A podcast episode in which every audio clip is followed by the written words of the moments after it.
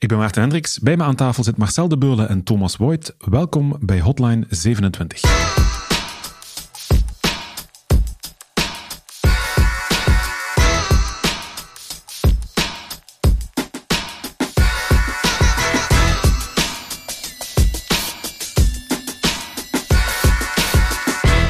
Komt weer wat extra concurrentie op de Belgische zakelijke internetmarkt. Hostingbedrijf Level 27 start met Connect 27, een nieuw bedrijf dat connectiviteit levert aan zakelijke klanten. Connect 27 is de naam van de pas opgerichte internet service provider die uitdrukkelijk mikt op het zakelijke segment met connectiviteitsdiensten als SD-WAN en SASE. Dat konden we ook lezen op de website van Data News ergens begin maart. Ik geloof dat het 3 maart was.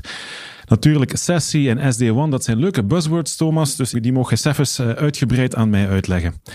Marcel, jij bent hier een, eh, een nieuw gezicht aan deze tafel, of moet eerlijk zeggen, een nieuwe stem in onze podcast. Waarom starten met een apart bedrijf nu, Connect 27. Wat gaan jullie precies doen? Wat is het, het doel van de onderneming? Uh, het doel is, we mikken dus echt op, uh, op bedrijfsleven, grote bedrijven, ook partners, van die enkel connectiviteit aan te bieden. Ehm, dat is eigenlijk het doel. Je kan ons een beetje vergelijken met een, een Proximus of een Telenet, maar dan ja, meer gericht op het business segment, met vooral meer service en ook alle voordelen die een internet service provider eigenlijk heeft. Maar ik als gewone sterveling, geen bedrijf, ik heb niets aan jullie diensten. Hè? Als je in een bedrijf werkt en mhm. je, we, bieden ook diensten aan, aan teleworkers, uh, dus dan kan je wel internet bij ons krijgen, maar het is wel belangrijk dat ook het bedrijf dan zelf ook een internetverbinding heeft. Maar het is eh, niet de bedoeling dat ik thuis mijn telenetlijntje ga buitengooien en dan overga naar Connect 27. Het is vooral gericht op het bedrijfsleven. Nee, we kunnen ook, als je echt specifiek kijkt, er zijn ook heel veel mensen die thuis eigenlijk uh, triple play hebben, dus ook televisie en zo. En dat zijn zaken die wij met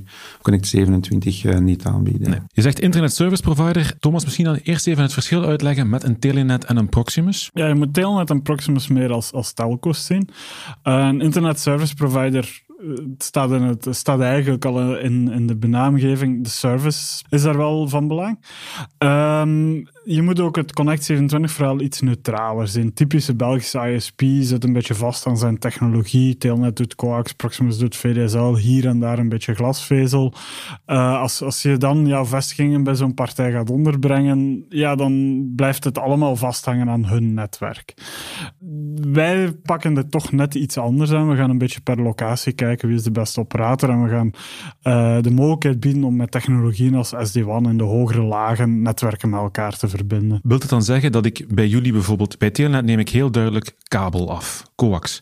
Bij jullie niet. Hoe gaat dat dan in zijn werk? Bij ons hebben we dus de keuze. Dus we mikken ook specifiek op bedrijven met meerdere vestigingen. Mhm. uh, als je dat bij Proximus gaat afnemen, gaan die normaal gezien alles op Proximus willen zetten. Er zijn meestal locaties die niet ideaal liggen voor het Proximus-netwerk. En ISP is daar uh, open in eigenlijk. Die gaat zelf per locatie kijken wat de beste technologie is. En het tweede, wat Thomas ook had gezegd, een enorm voordeel is ook dat we eigenlijk volledige redundantie kunnen aanbieden. Uh, dat wordt, wil ik zeggen, meer uptime geven aan, mm aan uw internetverbinding. En hoe doen we dat? We gaan bijvoorbeeld VDSL nemen van uh, koper, dus inkopen bij Proximus. Maar we gaan dan bijvoorbeeld een 4G backup lijn hebben bij bijvoorbeeld Orange waardoor dat dan de uh, netwerken, backbone-netwerken, volledig gescheiden zijn en je eigenlijk optimale redundantie hebt. Je ziet heel duidelijk als Proximus zoiets aanbiedt, dat dat dan ook een 4G-verbinding is van Proximus. Dus als er backbone-gewijs iets mis zou zijn, lig je er eigenlijk toch nog uit. Dus uh, dat is de extra waarde die een ISP dan eigenlijk erin kan bieden. In principe maakt dat ook niet uit voor mij als klant welke technologie erachter zit, zolang mijn internetverbinding maar stabiel is. Ja, klopt. De ISP neemt eigenlijk de verantwoordelijkheid op, op hem om eigenlijk uptime te leveren en hij gaat dat proberen zo optimaal mogelijk te doen door in de markt te gaan kijken naar verschillende leveranciers. Er zijn trouwens veel meer leveranciers dan enkel Telnet en Proximus. Voor het wholesale-kanaal heb je nog veel meer uh, partijen, zoals uh, Fluvius en Eurofiber uh, en Fluxus. noem maar op, je hebt er echt heel veel nog, waar je ook nog diensten kan inkopen. maar dat is inderdaad niet zichtbaar voor de eindklant. Die wil gewoon uptime mm van zijn verbinding hebben. Wil dat dan zeggen dat jullie maatwerk gaan moeten leveren voor elke klant apart die bij jullie connectiviteit afneemt? Ja, we bekijken dat echt specifiek per locatie. Mhm. Ehm, en je bent ook niet gebonden als je een technologie hebt gekozen, dat dan ook altijd die technologie is. We gaan ook nog eens evalueren uh, op halfjaarlijkse basis. Uh, is dat nog wel de meest ideale technologie? Of is er bijvoorbeeld op dat moment ook glasvezel beschikbaar in het gebouw? Zullen we ook overschakelen op glasvezel enzovoort. En we hebben daar ook tarieven voor, dat je eigenlijk ook nog eens hetzelfde betaalt, onafhankelijk van welke onderliggende technologie er gebruikt wordt. Zo hebben we ook uh, pakketten die genomen kunnen worden. Misschien heel even terug naar die twee buzzwords, maar die wil ik graag begrijpen. Thomas, leg eens even uit. Wat is die bijvoorbeeld die SD-WAN? WAN ken ik, maar wat is SD-WAN? Vroeger kocht je een MPLS-wolk in bij jouw service provider. Sorry, een uh, MPLS-wolk? Een MPLS-wolk is eigenlijk een privaat netwerk. Dus je, jouw onderneming heeft bijvoorbeeld vijf vestigingen en mm deze vijf vestigingen wil je met elkaar verbinden alsof het een lokaal netwerk is. Ja. En dan komt er eigenlijk een MPLS-wolk bij te pas. En typisch in België heette dat meestal een Proximus Explore. Um, dus eigenlijk ja, dat privaat eh, eh, bedrijfsnetwerk bovenop die operators en netwerk verbindt alles met elkaar alsof dat je eigenlijk op éénzelfde verbinding zit. Nu, ja, bij SD-WAN gaat dat concept eigenlijk een beetje weg. We gaan dat in de hogere lagen plaatsen. De underlay, dus het netwerk eigenlijk dat de pakketjes van A naar B brengt, dat mag zelf gewoon het internet zijn. Uh, je gaat je kantoren dus verbinden op een hoger niveau, bovenop de connectiviteit. En liefst met een aanpak per applicatie. Uh, omdat ja, sommige applicaties zijn belangrijker dan andere, dus je wilt garanties kunnen plaatsen per applicatie, per gebruiker en niet per se op iets zoals IP-adressen. En dat is eigenlijk wat SD-WAN doet. Het woordje security ben ik daar nog niet in tegengekomen, maar dat zit dan in die sessie. Ja, dus bij sessie, SD-WAN is eigenlijk een onderdeel van sessie. En, en heel eenvoudig kan je stellen dat met sessie dat je jouw security naar de cloud gaat verhuizen. Uh, vroeger zette je meestal op jouw hoofdkantoor dan een grote firewall. Ofwel was die te groot, ofwel was die te klein vanaf dat je bedrijf begon te groeien. Die, die, die ging wel eens end of life en dan moest die vervangen worden. Weer een traject van weken en, en grote investering. Bij sessie gaan we dat eigenlijk volledig in de cloud gooien. Uh, en we gaan ook ergens proberen om een, een security model per gebruiker te introduceren. We gaan ook standaard uitgaan van een zero trust. Dus we vertrouwen niks. Een, een intern bedrijfsnetwerk werd vroeger wel al eens als veilig uh, mm -hmm. beschreven, maar die tijd is toch echt wel voorbij. Iedere laptop in jouw netwerk kan potentieel een bedreiging zijn. Uh, dus we gaan eigenlijk een, een, een, een security aanpak rondom gaan doen. We gaan dat per gebruiker gaan doen en we gaan dat zeker niet meer op eigen hardware proberen. Kun je dat concreet maken? Kun je daar een voorbeeld van geven? Hoe ik eh, SD-WAN en een sessie in de praktijk kan zien? Um, een eenvoudig voorbeeld is, is misschien een proxy-server. Uh, mm -hmm. Vroeger, ja, je had jouw laptop van jouw onderneming. Uh, indien je binnen de muren van het bedrijf zat, dan op het moment dat je naar internet ging, werd jouw internetverkeer gecontroleerd en wist je van, nou, als ik per ongeluk een virus download, zal ofwel die firewall ofwel die, die virusscanner op mijn laptop het wel afvangen. Maar op het moment dat je naar huis ging, was het al onmiddellijk gedaan. Dus die firewall van dat bedrijf, ofwel moest je VPN'en naar, het, naar de onderneming, maar als mensen iets aan het downloaden waren, gingen ze dat meestal niet via die VPN doen. Um, een van de security services die, die je bij SAS veel al ziet, is, iets à la Zscaler of ergens een centrale internetgebaseerde proxydienst, waardoor dat eigenlijk die laptop niet uitsluitend binnen jouw bedrijfsmuren via uh, die security dienst gaat, maar ook als de mensen thuis voor de tv op een eigen wifi zetten, wordt nog altijd al het verkeer gecontroleerd of het veilig is of niet om een bepaald bestand te downloaden. Het is niet zo dat ineens alle hardware de deur uit moet en dat jullie dat volledig gaan overnemen, of wel? Nee, nee. Uh, security is sowieso een multi-layered approach. Je gaat niet één muur plaatsen, je wilt ook een backup muur hebben mm -hmm. telkens. Uh, en het is ook een proces wat gaandeweg moet gaan. Je kan niet, in de meeste ondernemingen kan je niet van de ene dag op de andere dag alles buiten gooien en vervangen. Uh, zeker omdat er dan nog eens applicaties draaien van, van 10, 15 jaar geleden. Dus het is sowieso altijd een stapsgewijze aanpassing. Uh, en je begint met componenten. Ja, die internetstraat binnen jouw kantoren, die moet je misschien niet vanaf dag één vervangen. Uh, je kan die veiligheid wel al toevoegen op jouw gebruikers. En in plaats van dat je alles gaat scannen, vertrouw je erop dat die, die cloud-based service dat ook doet voor als mensen binnen jouw kantoormuren zitten. Maar die centrale firewall kan nog altijd blijven staan. Marcel, waarom precies level 27 en Connect 27? Wat is de band daartussen? Is, is daar een voordeel? Uh, ja, ik vind persoonlijk van wel. Waarschijnlijk. Uh, anders zou ik het niet meer level doen, denk ik. Uh, maar eigenlijk, dat zijn drie woorden eigenlijk, is on-prem, access en cloud. dat zijn drie vaktermen eigenlijk. Mm -hmm. En ik, ik ben ervan overtuigd dat een blend van die drie een heel mooi uh, product is in de markt uh, met een single point of contact van beheer. Uh, om een praktisch voorbeeld te geven, is een eindklant en heeft problemen met zijn applicatie. Het gaat traag, maar weet niet goed wat de reden daarvan is. Hij gaat automatisch naar zijn leverancier bellen van zijn internet, van is er daar iets mis mee? hij gaat ook bellen naar de hoster om te vragen van is, heb ik te weinig resources? Of hij zal ook bellen naar degene die de SaaS beheert. dus heel dat proces. En ook uh, meestal is het dan een pingpong tegen elkaar van nee, het is bij mij in orde, het ja, bij de andere. Ik kan me helemaal voorstellen. Voilà. En uh, het voordeel is nu bij level 27, ze moeten maar één keer bellen en wij gaan echt end-to-end kijken uh, wat het, het probleem is en hoe dat we dat best kunnen oplossen. Dus we zijn ook verantwoordelijk dan ook voor het geheel daarin. Dus het zijn twee aparte bedrijven, maar ze werken wel op het vlak van service heel nauw samen. Ja, ze zijn twee aparte bedrijven, heeft ook met telecomlicentie enzovoort te maken, maar bijvoorbeeld de support wordt gedaan door dezelfde ingenieurs. En daar komt dan het woordje service weer naar voren. Is dat bij ons is het echt wel uh, systeemingenieurs die uh, direct telefonisch opnemen en u, u kunnen gaan troubleshooten. Wij zitten niet met het systeem van dat het eerst een boek is die wordt afgelezen op first line. Daarin hopen we ook echt een verschil te zijn naar grotere bedrijven toe, dat we direct uh, op de juiste manier kunnen troubleshooten. Voor beide aspecten, voor, mijn hostingbehoeften ja. en ook voor mijn internetconnectiviteit. Ja, klopt kan ik in principe dus naar één telefoonnummer bellen en die gaan mij proberen verder te helpen. Ja, klopt. Thomas, betekent dat dat de klassieke operatoren, gelijk een Telenet en een Proximus, dat die er dan op termijn allemaal aangaan? Moet die de dingen anders gaan doen? Um, nee, nee, natuurlijk niet. Uh, Zo'n vaart zal het wel niet lopen. Uh, ze hebben natuurlijk zeker een Telenet en een Proximus. Ze hebben een netwerk in handen. Uh, dat netwerk hebben, hebben, heeft zo goed als iedere alternatieve operator ook nodig. Dus je komt niet rondom het feit dat er een kabel bij de mensen thuis moet, uh, moet binnenkomen. Um, ze gaan wel een serieuze aanpassing hebben in een businessmodel. Waar dat vroeger bedrijven nogal naar dure oplossingen zoals die MPLS-wolk gingen, zal er nu wel een, een, meer een trend zijn naar gewoon snelle internetverbindingen. De marges liggen daar sowieso al een pak lager. Uh, ze gaan er niet aan, maar ze gaan wel focus moeten brengen naar kwaliteit, naar, naar services. Uh, en dat is toch een, een moeilijke transitie, denk ik. Ze zijn er wel volop mee bezig. Als je ziet naar Orange, die hebben SecureLink gekocht. En BKM, dat zijn twee mhm. grote integrators die eigenlijk meer volwassenheid bieden op gebied van security en end-to-end oplossingen.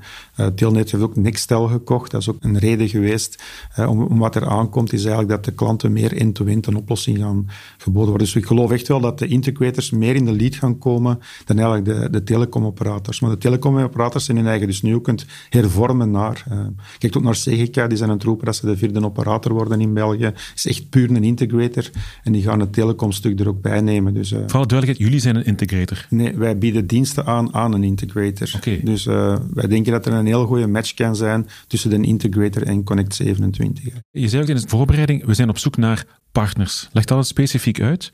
Ja, ja, op zoek naar partners. Het, trekt elkaar automatisch aan. We hebben dat nu ook al gezien in de eerste maanden, dat er al heel mooie partners hebben ingetekend bij Connect 27. Mhm. En ja, de reden is dat er eigenlijk geen overlap van diensten is. Dus hun kunnen dus echt focussen op hun core business. En voor het connectiviteitsstuk moeten ze alleen bij ons zijn. Terwijl als ze dat bij een Proximus of een Telnet doen, is er ook altijd overlap van diensten en ook eigenlijk interne concurrentie. Alleen direct kanaal mhm. tegen hun direct kanaal.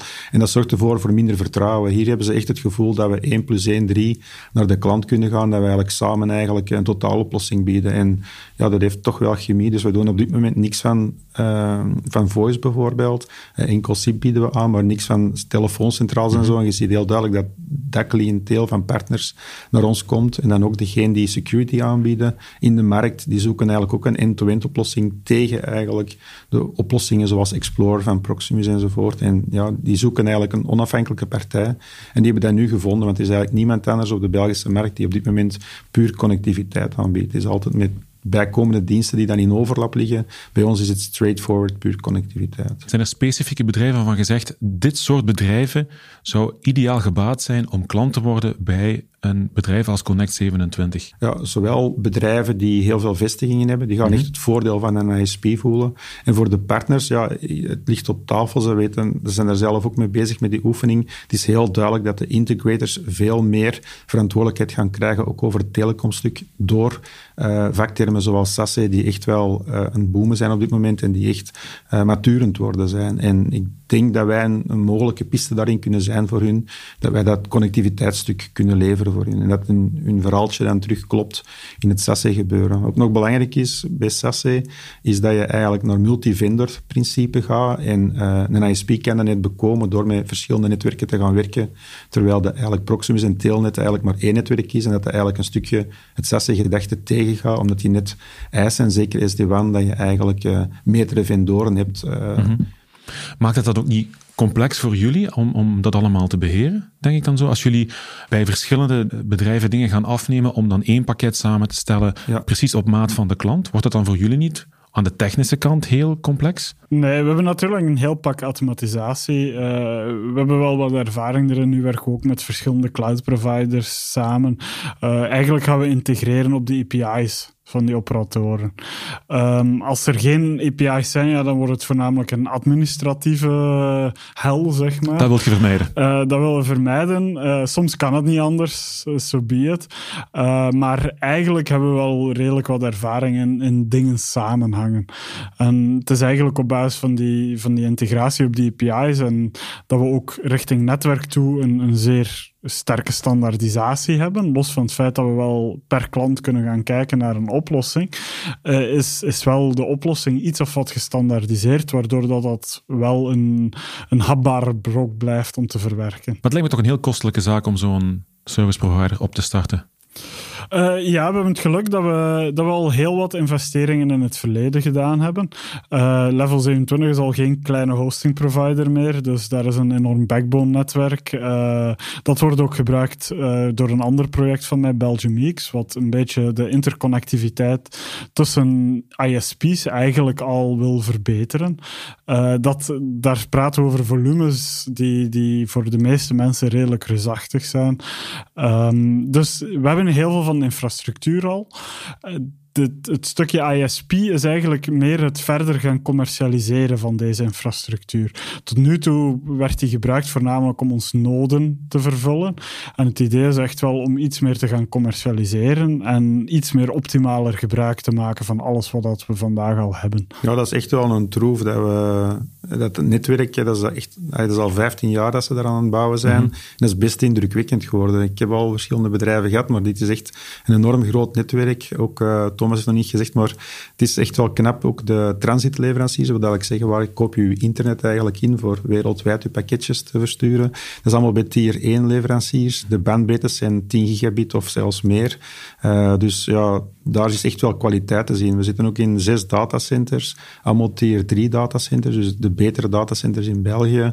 Uh, nee, dus heeft echt al body. Dat zorgt er wel voor dat we, ja, we zijn eigenlijk een nieuwkomer als ISP, maar achterliggend het netwerk, dat is echt al wel stevig. Uh. Er gaan er veel jaloers op zijn om dat ook ik, te kunnen Ik hoop het, ik hoop ja. inderdaad, ja. Ja, nee, maar zorgt ervoor dat het is belangrijk, hè, als je een internetverbinding afneemt, is ook belangrijk hoe snel dat je eigenlijk op locatie B kunt zijn met je trafiek.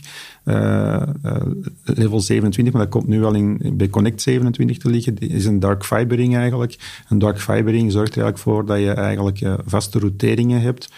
In het storage verhaal, met level 27 is dat interessant voor uh, storage uh, replicatie te doen, moet die latency heel laag zijn en vooral constant. Dus daarvoor is die dark fibering. Maar ook voor Connect 27 is het interessant, omdat met dark fiber kan je enorm scalen. Dus we kunnen heel makkelijk ook gigabits erbij steken, fiber channels, zonder dat het eigenlijk veel werk voor ons is. En we beheren dat dan ook nog eens allemaal zelf. Ook voor supportredenen wel interessant is, als er iets mis is, dat we eigenlijk zelf direct iets kunnen oplossen. Je ziet heel veel andere spelers dat ook uitbesteden, maar dan ook weer de gevolgen dat je dan ook weer daar moet gaan wachten op een andere partij om zaken te gaan fixen. Uh, bij Connect 27 is het allemaal in eigen beheer, het backbone-netwerk. En dat is wel uh, knap om... Ah, dat vond ik echt wel een van de redenen ook waarom dat ik geloofde dat het uh, snel... Is het voor, voor klanten, bestaande klanten van Level 27, is het vanzelfsprekend dat zij ook de overstap maken naar Connect 27? Eigenlijk is het voor elke klant nuttig. En de reden waarom ik het zeg is dat iedereen heeft tegenwoordig een internetlijn en we mhm. zouden die allemaal kunnen aanbieden. maar als uw internetlijn meer aanbiedt dan alleen internet, ja, dan moet je eigenlijk al niet bij Connect 27 zijn, want zoals gezegd, wij doen geen tv, we bieden geen mobiele abonnementen aan. Uh, dus als je zo'n pakket hebt, dan is dat niet interessant. Maar als je zegt van, ja, nee, ik heb uh, een tiental developers die hier eigenlijk altijd heel traag op de server zitten te werken in de cloud, ja, dat zijn momenten dat je ons wel kan bellen, uh, want wij kunnen meestal wel een, een goede verbinding aanbieden. Dan, een van de principes die we nu hanteren bij Connect 27 is dat je eigenlijk direct de maximale snelheid krijgt op je internetlijn en dat je er niet per se voor moet bijbetalen in pakketjes om meer te krijgen. Wij geven direct de maximale load die mogelijk is op je internetlijn. Zijn er plannen om dat open te stellen naar particulieren ooit? Ja, maar het is, uh, voor ons is het belangrijk, is eigenlijk het allerbelangrijkste is service. Wij zijn een, mm. echt een servicebedrijf en het is heel moeilijk om dat op een residentieel segment ook te doen, want de marges liggen daar zo laag dat je met enorme volumes moet werken. En dan nog zie je ook bij al die partijen die met volumes werken, dat die service op de first en second line eigenlijk heel pover is. Mm -hmm. wij mikken echt op het business segment en op die partners daar. En die verwachten gewoon een degelijke service. En dat kan je echt alleen maar bieden op dat segment ook. Uh, uh, als jij 100 euro wil betalen voor een residentiële lijn, dan kun je dat ook wel. Eigenlijk, de prijzen zijn trouwens niet zo hoog, maar ze zijn lager. Uh, maar een residentiële klant is eigenlijk niet waar we op dit moment uh, naar kijken. en ik denk ook niet naar de toekomst toe. Nog even over die prijzen. Zijn die gezichten zijn laag? Want het is, jullie doen maatwerk, bieden heel veel service aan, heb ik begrepen. Ja. Zo'n dingen maken het toch duur, niet? Ja, maar ik ben ervan overtuigd dat de, dat de partner daarvoor wil betalen of de mm. eindklant. De, um, uh, je hebt een kost van je lijnen, maar je hebt ook een kost van downtime. En uh, die ligt soms vele malen hoger. Uh, er zijn veel bedrijven die absoluut niet naar dat scenario willen gaan en naar optimale redundantie willen gaan. Of eventueel voor bedrijven die heel veel vestigingen hebben, die moeten ook geregeld lijnen bijleggen. Dat is altijd een heel kluwe om dat eigenlijk geïnstalleerd te krijgen. Die wil die zorgen niet meer hebben, die willen ontzorgd worden. Dat en dat is wanneer, over. Ja, en dat is hetgeen dat wij overpakken. Voor hun kost dat ook geld om dat allemaal op te volgen. En, en dat zijn dan zaken die ze liever niet willen doen, want ze willen hun focussen op hun core business. En dat stukje dat er dan uh, bij komt van connectiviteit, dat doen ze, laat ze liever Het is dus niet bij jullie op de website pakketje aanklikken en bevestigen klikken. Het is echt... Voor ons partnerkanaal komt dat er wel aan dat ze dat kunnen doen. Ze zijn meestal ook uh, slim genoeg om te weten welk pakket dat ze kunnen kiezen. Mm -hmm. uh, het is vooral bij troubleshooting dat we dan zeker inspringen. Uh, maar ook op het commercieel verhaal, wij kunnen mee naar klanten gaan met hun en, en, uitleggen waarom dat ze bepaalde lijnen moeten nemen of waarom dat er bepaalde redundantie moet zijn in hun netwerk. Thomas, verveelt je soms? Want uh, Level 27 en Connect 27, komt het dan niet allemaal de technische kant op u terecht? Want je hebt ook nog een derde, hè? Wat je ook nog bij Ik heb ook nog een vierde. Ah, maar daar gaan we het allemaal vandaag niet over hebben. Uh, nee, nee, ondertussen hebben we bij Level 27 een sterke organisatie mhm. gebouwd. Mm en is het voor mij nu de stap om een volgende sterke organisatie ook op, op telecomniveau te bouwen. Uh, de noden tussen een hosting provider en, en, een service provider zijn eigenlijk niet zo verschillend. Oké, de technologie hier gaat over, over servers met IP-adressen. Aan de andere kant gaat het over modems met IP-adressen. Op zich uh, is het opvallend gelijkend en hopen we dan ook de synergie goed te kunnen behalen van dus eigenlijk goed, goede engineers die we al hebben in te zetten voor, voor beide projecten. Uh, we voorzien ook wel telkens voldoende redundancy. Als er dan al iets fout loopt, dat er niet ineens 15.000 telefoons binnenstromen.